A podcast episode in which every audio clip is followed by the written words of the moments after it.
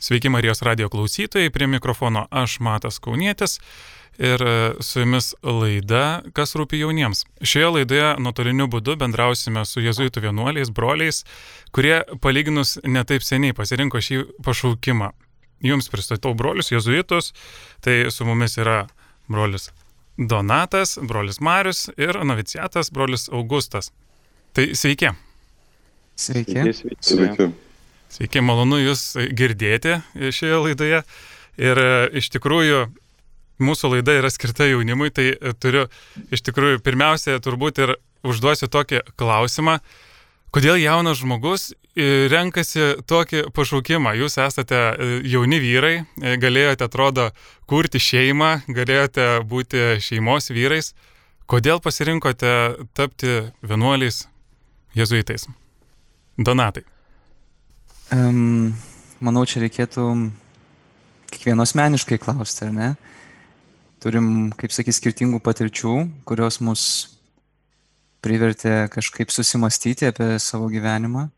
Bet iš esmės, e, bent jau aš iš savo perspektyvos žiūrint, tai ieškodamas prasmės paprasčiausiai, kaip galėčiau įprasminti savo gyvenimą tarnaudamas Dievui ir žmonėms. Per tam tikras gyvenimo situacijas pamačiau, kad Dievas šaukia į šitą, į šitą pusę. Dėl to turbūt ir vadinasi pašaukimas, kad kartais būna kartais jaunimas klausia, nu tai kaip tu čia galėjai tokį pasirinkti dalyką, taigi čia taip ir taip, čia galėjai tą ir tą. Bet kartais Dievo kvietimas yra toks stiprus, kad tu kaip iššoki į upę ir tiesiog plauki ir tau gera ir tu nebe, nebeuždavinėjai klausimų, kodėl aš plaukiu toje upėje, tiesiog tau gera, tu plauki ir tiek. Gal, gal ir kiti turit ką pasidalinti taip? Jo, tai, tai aš irgi gal galėčiau pantrinti, kad tas prasmės klausimas man asmeniškai irgi labai toks svarbus buvo.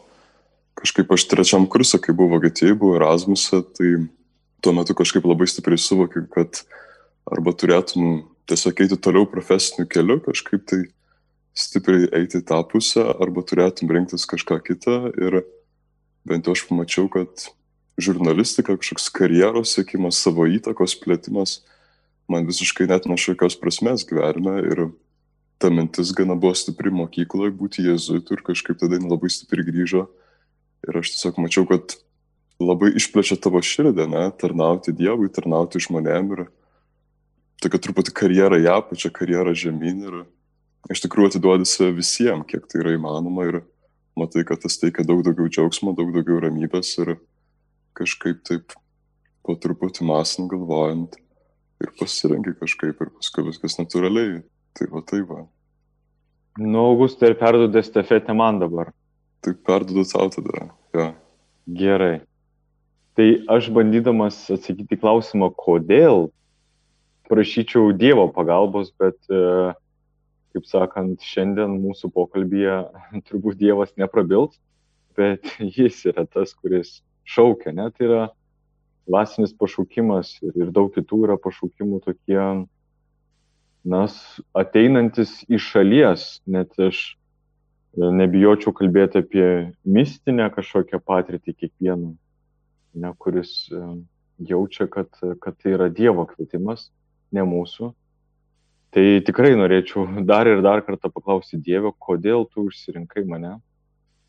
O mes matom istorijoje, kad Dievas renkasi, kodėl jisai įsirinko žydų tautą, būtent ta tauta, kuri kelbtų pasauliui didžius dalykus apie Dievą. O šiaip tai, aišku, jauni vyrai, jauni žmonės visą laiką, na, renkasi kažkokį tai kelią savo gyvenimą, galvoja apie savo ateitį, žiūri savo talentus, dovanas ir jausdami didžiulį kažkokį tai potraukį, kažkam troškimą, ženklus atpažintami renkasi. Tai aš manau, kad tiek Donatas, tiek Augustas, tiek aš tą trauką jautėme šitam keliui ir, na, padarėm tokį sprendimą atsiliepti ir tirti savo pašaukimą. Naujokinė ir, ir vėlesnės formacijos metu ir bandyti atpažinti, ar tai iš tikrųjų kelias, į kurį Dievas mus kviečia, ar mes tam turim jėgų, mes tam esam pilnai pasiruošę. Na, labai, labai nuostabu iš tikrųjų matyti jaunus vyrus, kurie atiduoda savo gyvenimą Dievui ir tik Dievui ir renkasi vienuolinio gyvenimo kelią. E, tai dar taip truputį norėčiau gal, kad jūs supažindinumėt, gal klausytojai ne visi turbūt žino, kuom išsiskiria būtent jėzuitų dvasingumas, ar kuom pasižymi dvasingumas, ar, ar yra kokiu nors išskirtinių bruožų. Labai norėčiau Augustą išgirsti, kadangi jis yra naujokas, tai turi labai šviežias mm. tokias žinias ir patirtį, tai žinok, primink Augustai. Taip, galbūt ja, būtų. Tai labai paprastai pasakyčiau, vat, kas ir mane patį patraukė, tai atrasti Dievą visose dalykuose ir tas kažkaip labai žavi, kad jėzutai savo tą dvasingumą pagalboje daro labai skirtingus dalykus ir dažnai daro tai, ir pasauliečiai veikia pasaulyje, netgi politinėje erdvėje dirba kaip žurnalistai, žurnalistai, kino režisieriai, bet tai daro su tokia kita kokybė, ne, iš to dvasinko perspektyvos. Tad tai ta galimybė daugybės ryčių derinti, man atrodo, yra kažkas labai, labai tokio jezutiško, kas, kas ir mane patraukia. Tai čia man toks kas pats pirmas, kas ateina į galvą.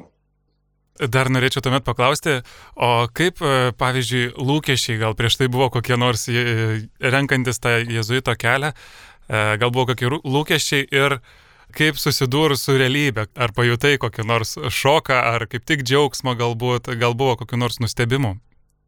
Nu, gal pradžiatis buvo sunku iš tikrųjų perėti iš tokio studentiško gyvenimo, naujokino režimo, kur viskas yra taip labai vokiškai suplanuota, sustiguota, kur labai dažnai tau yra pasakyta, ką tu turėtum daryti, ką turėtum veikti. Bet matai, kad um, iš tikrųjų labai gerai pažįsti save per tokią struktūrą, nes tu matai, kad yra panašios situacijos, yra panaši programa, ne, ir tarkim, tam tikras situacijas tu vis taip pat reaguoji, iškyla tavo kažkokios savybės, ne, kur, kur galbūt net pats nežinojai, kad tokių turi, žinai, tai Tai iš tikrųjų, nu, kinas labai labai gerai padeda pažinti save, bet uh, nuo tokio laisvo studentiško gyvenimo ar nuo gyvenimo, kai žmogus dirba savo darbą, tai yra gana, gana tolima. Tai, tai va. Gerai, ačiū. E, tai dar norėčiau tada paklausti, galbūt, e, na, dabar tikrai visi susidurėm su kitokiu laiku, yra visokie apribojimai, karantinas, yra iššūkiai ir taip pat ir liūdnų visokių įvykių.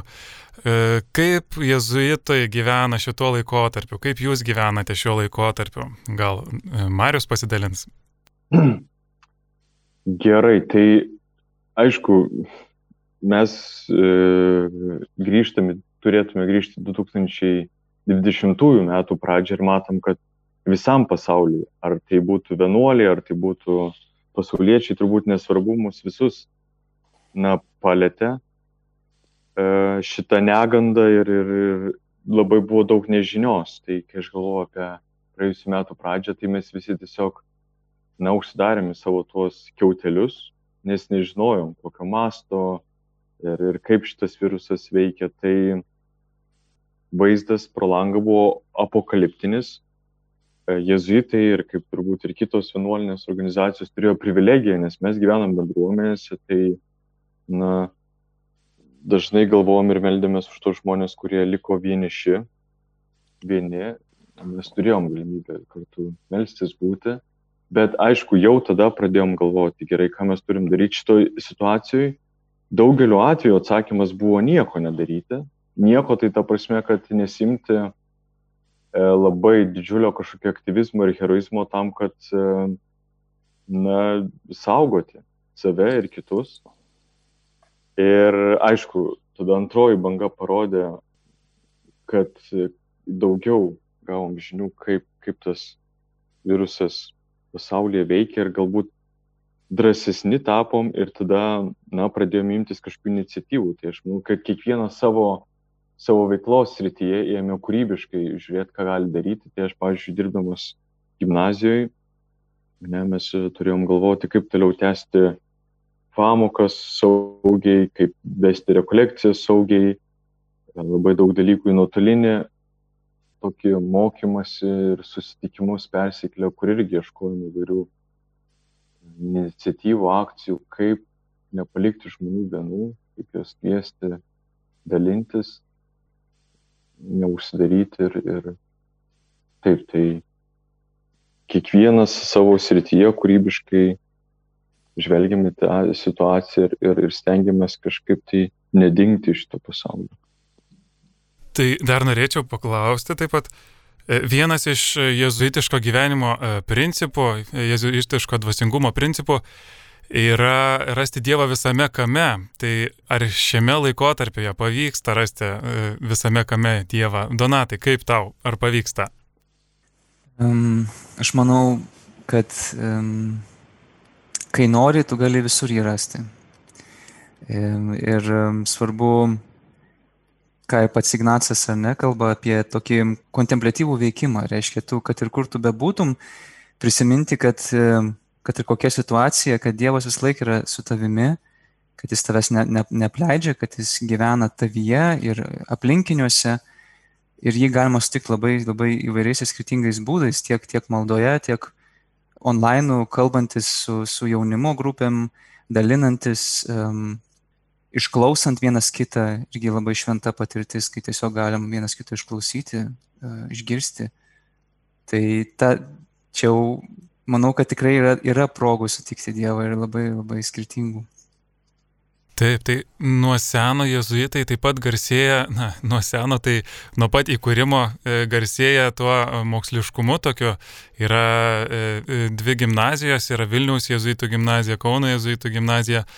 Ir kaip pavyksta jums, na, būtent dėl to protinio didelio darbo, ar yra tas intensyvumas iš tikrųjų jezuito dienotvarkyje, kad ar tikrai, tiek, ar tikrai daug reikia mokytis? Mariu, taip. Aš galiu pasidalinti. Tai kai pradėjau savo praktikos metus Kaune ir kai pradėjau dirbti gimnazijoje, tai tokį savo, na, dalyką pri, turėjau pripažinti, kad tiek daug dar gyvenime, kiek šiuo laikotarpiu aš nesu dirbęs. Tai tų atsakomybių mes jauni e, jezuitai gaunam. E, galbūt Lietuvos jezuitų provincija šiek tiek net išsiskiria E, nuo, nuo kitų šalių, kur, kur daugiau jezuitų yra. E, dažniausiai tokio amžiaus ir, ir, ir tokių formacijos metu duoda kažkokias nedidelės užduotis, bet kadangi mes turim tokius didžiulius projektus, tai mokyklas, keturias bažnyčias ir daug kitų dalykų, tai į mūsų rankas pateikė nemažas atsakomybę. Pavyzdžiui, aš dar būdamas ne, ne kunigas, mūsų Kauno jezuitų namuose esu ministras. Tai reiškia, einu pareigas esu atsakingas už ūkį, už darbuotojus, už jų atlyginimus ir, ir už nemažai tokių dalykų. Be to atsirado darbas kaip mokytojo. Ne, aš nesu baigęs pedagogikos, bet turiu ruoštis pamokoms, turiu jas vesti, neturime tikrinti, tikrinti mokinių namų darbus. Kapelionas vėl yra tas, kuris organizuoja pamaldas, organizuoja rekolekcijas, be to turim įvairiausių grupelių ir taip toliau, tai tikrai darbo krūvis yra nemažas. Yra nemažai tokių dalykų, kur mes net, net savo gyvenime net nebūtume pagalvoję, kad darysim, nes yra labai nemažai administracinių dalykų, kur turim rašyti daug elektroninių laiškų, pildyti dokumentų. Kartais apsimauti darbininko rūbus, važiuoti rekolekcijų namus už miestų, kuriuos turim ir vykdyti kažkokius tai grevimo ir statybų darbus, kurie tikrai yra labai linksmi. Tai mūsų tas profilis yra labai labai skirtingas, bet neįtikėtina, kiek, kiek tų veiklos barų yra, bet aš manau, kad mes negautume tiek darbo, jeigu mūsų vyresniai matytume, kad mes nepakeliam, e, matydami, kad, kad mes galim, e, tai tomis atsakomybėmis dalyjasi ir aš tikrai galiu paliūdyti, nesijaučiu kaip kažkoks tai, na, jaunuolis, į kurį e, vyresni jezuitai žiūri kaip į kažkokį dar nebrandų, nesuformuotą, nieko nesuprantanti, bet, bet jaučiuosi kartais, kad esu labai panašiam lygyje, lygyje kaip ir mūsų tėvai ir, na taip, tai yra labai įdomi patirtis.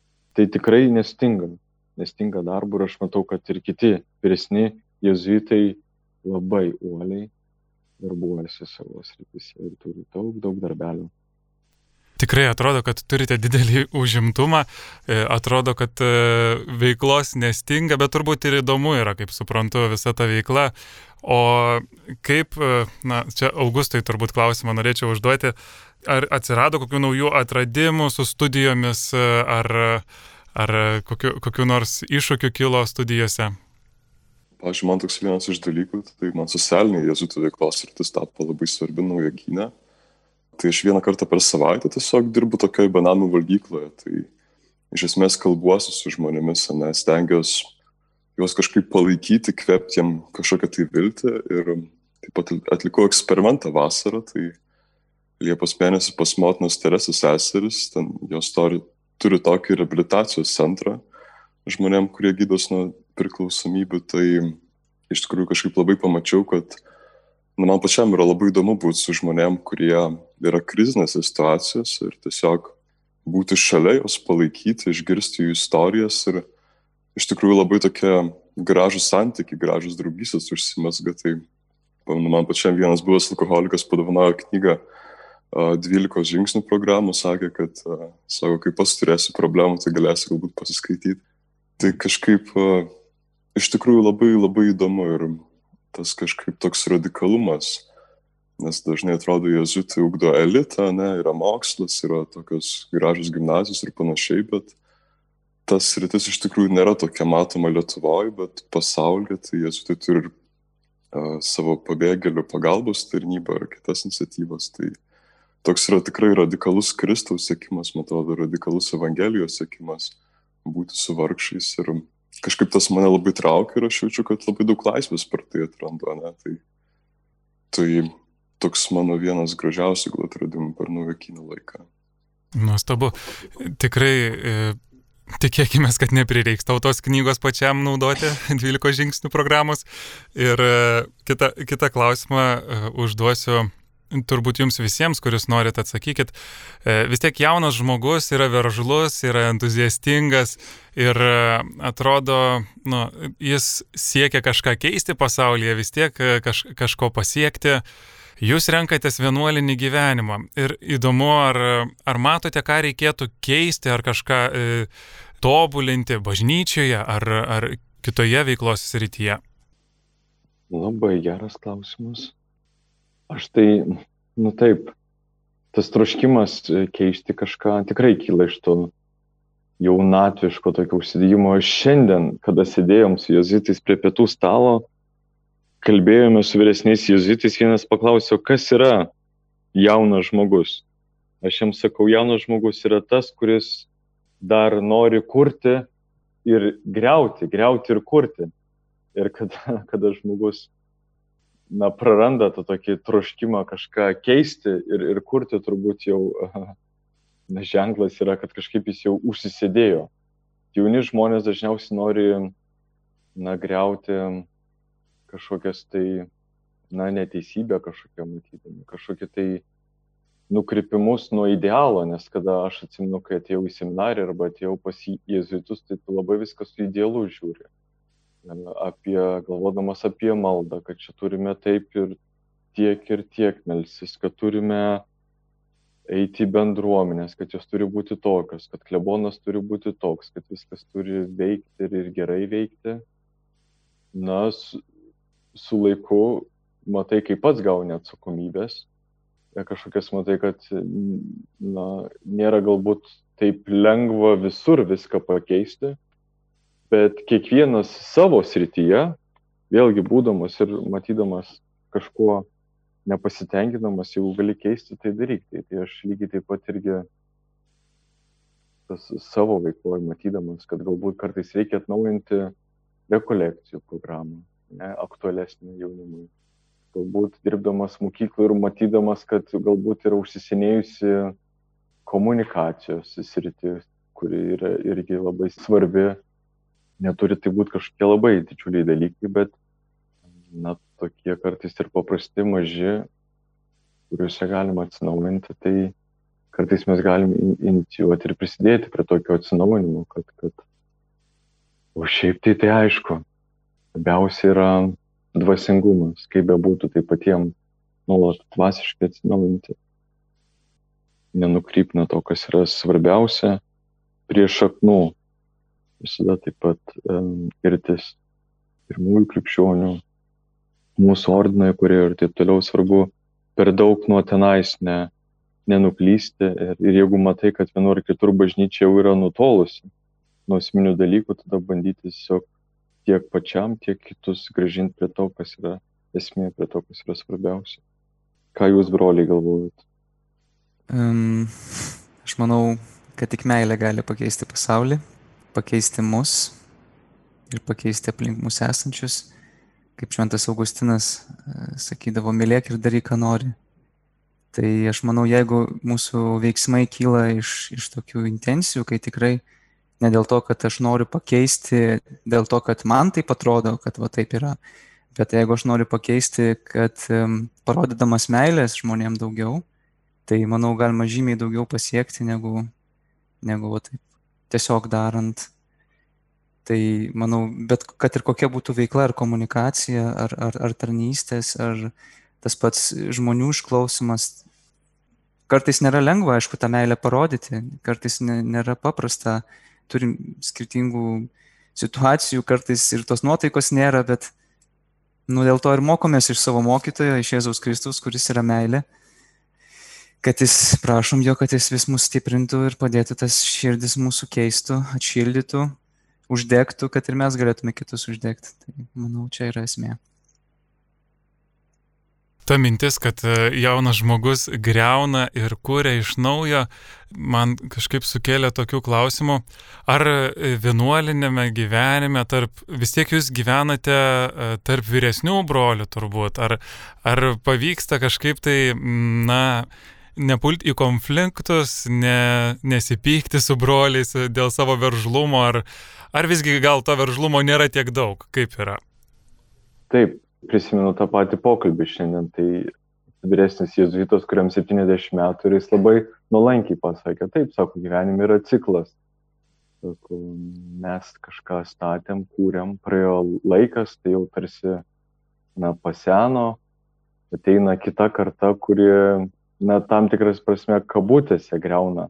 Tai nėra kažkiek tai radikalūs dalykai, kuriuos savo nuožiūrą darom, bet dažnai mes labai daug iniciatyvų darom pasitarę maldoje ir, ne vieni priimam sprendimus ir tiesiog norėdami atsinaujinti įvairiose sritise, tai na, tarsi tuos galbūt net negriovimo kažkokius tai renovacijos, atnaujinimo darbus atliekam ir, ir aš matau, kad jiems skauda, natūralu, nes jų metu, kada jie buvo jauni, jie, jie kažką irgi statė, kūrė, atnaujino, ypatingai po sovietmečio, bet matai, kad einant laikui dalykai kažkaip tai pasensta. Aš kalbu ne tik apie išorinius dalykus, bet apie kartais kažkokius tai nu, ir kitus veiklos būdus. Jiems skauda, bet jie yra labai nuolankus ir mato, kad jauni žmonės atnešdami naujų tokių vėjų, na, daro gerai, daro gerus darbus ir to reikia. Reikia mums, reikia pasauliu. Tai nepasakyčiau, kad labai didelių konfliktų kyla, nes mes esame mokomi tikrai nesielgti kažkaip tai drastiškai, bet sprendimus kartu priimti. Aš irgi tiek kažkokius darydamus pokyčius bendruomenėje, kad ir su ūkiu susijusius, niekada na, nenuvažiuoju pats į senukus ir, ir nusipirkęs, nežinau, kažkokių tai dalykų nepradedu statyti, bet, bet pirmą pasiklausiu vyresnių, ar mums to reikia ir mes bandom vat, kartu priimti tos sprendimus. Bandom įsiklausyti vienas į kitą ir kažkaip tai kartu bendradarbiauti. O jie mūsų nestabdo. Tai nemažai laiko tikrai pačiam man teko dirbti su jaunimu ir kyla klausimas, kurį bet kuris jaunuolis užduotų. Gal Donatui užduosiu klausimą šitą. Ar niekada nenorėjai turėti žmonos? Um, norėjau, žinoma, žinoma, norėjau.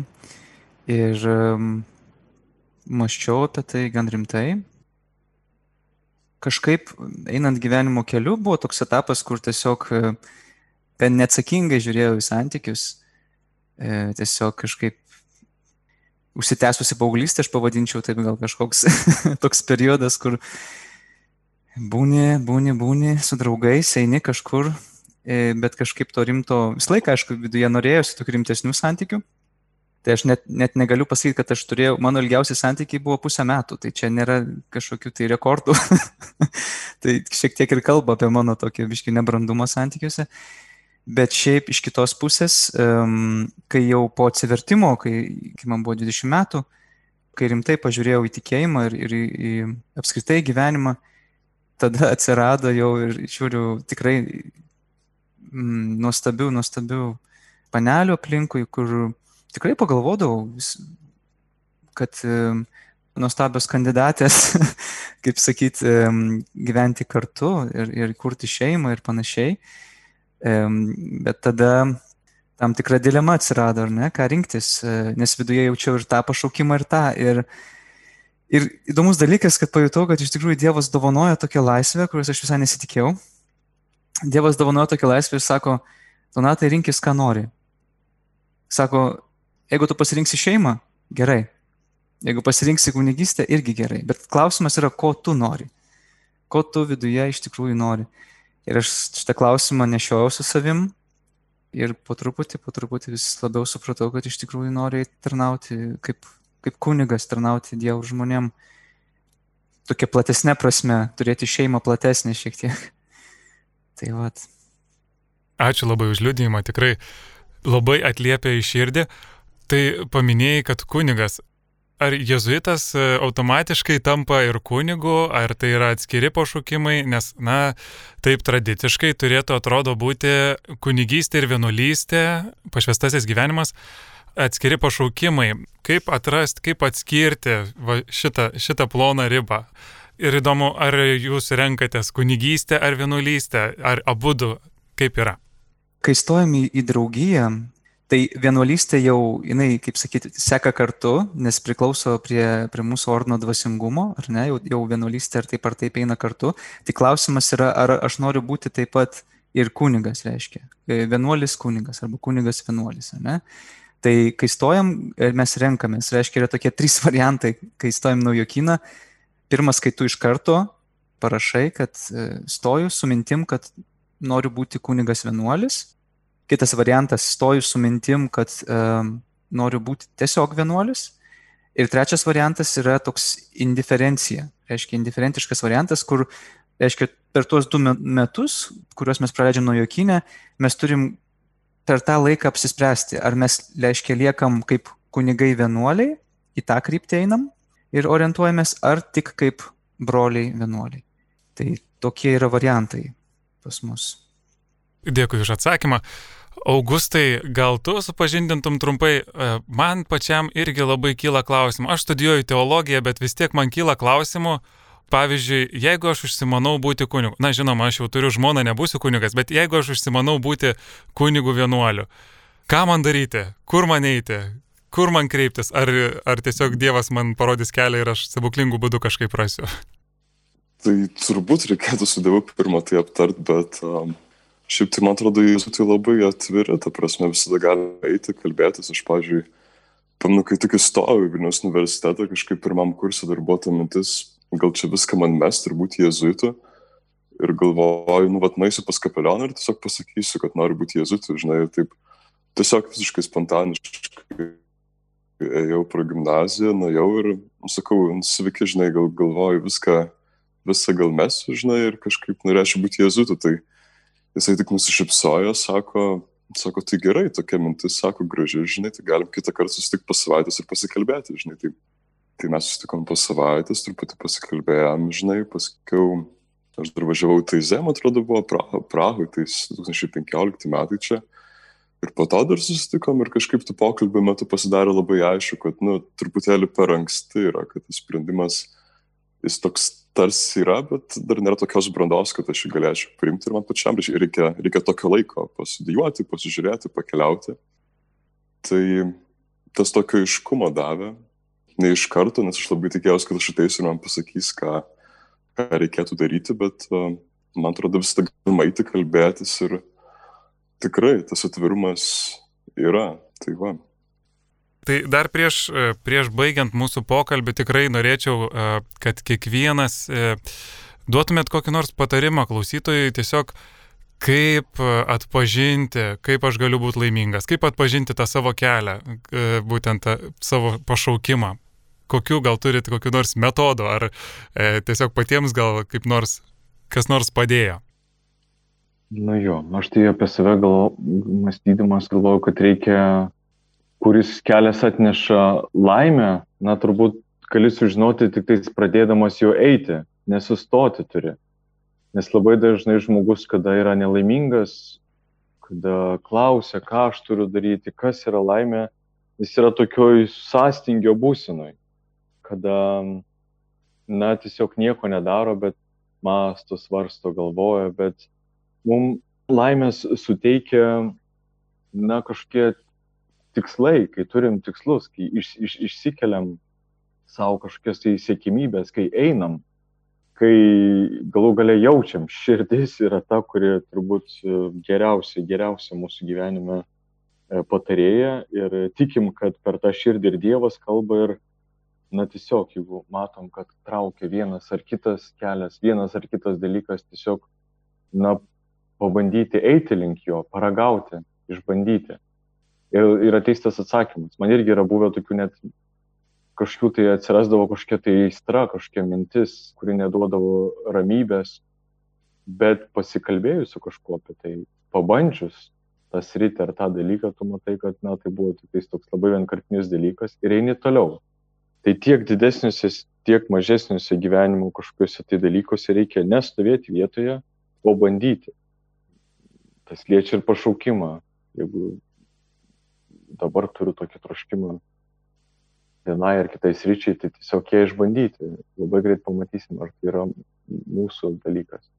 Ir, nu, suprasti, kad nėra tokių atsakymų galutinių gyvenime, dalykai keičiasi.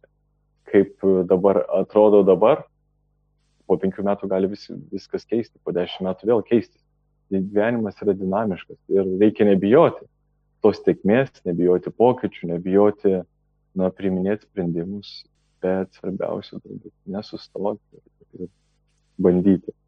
O kad nesiblaškytume, tai tikrai malda ir Dievas ir patarimas kažkoks, tai domėjimasis gali būti kaip pagalba.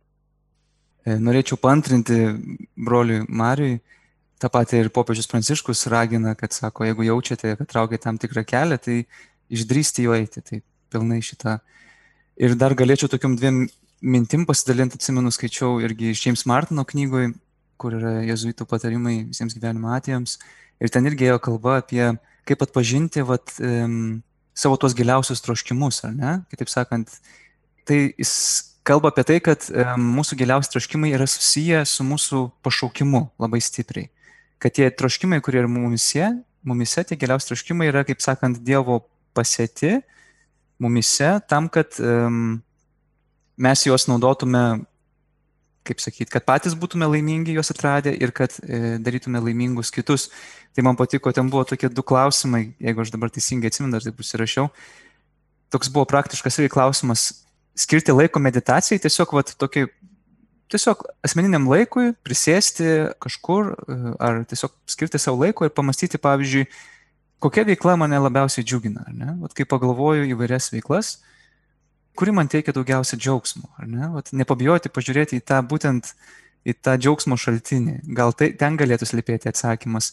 Ir kitas dalykas, irgi toks klausimas buvo, ką aš galėčiau veikti arba ką aš veikčiau, jeigu galėčiau veikti bet ką, ar ne? Jeigu nebūtų jokių limitų, nebūtų jokių ribų, kas liečia ten, ten veiklas skirtingas, ar ne?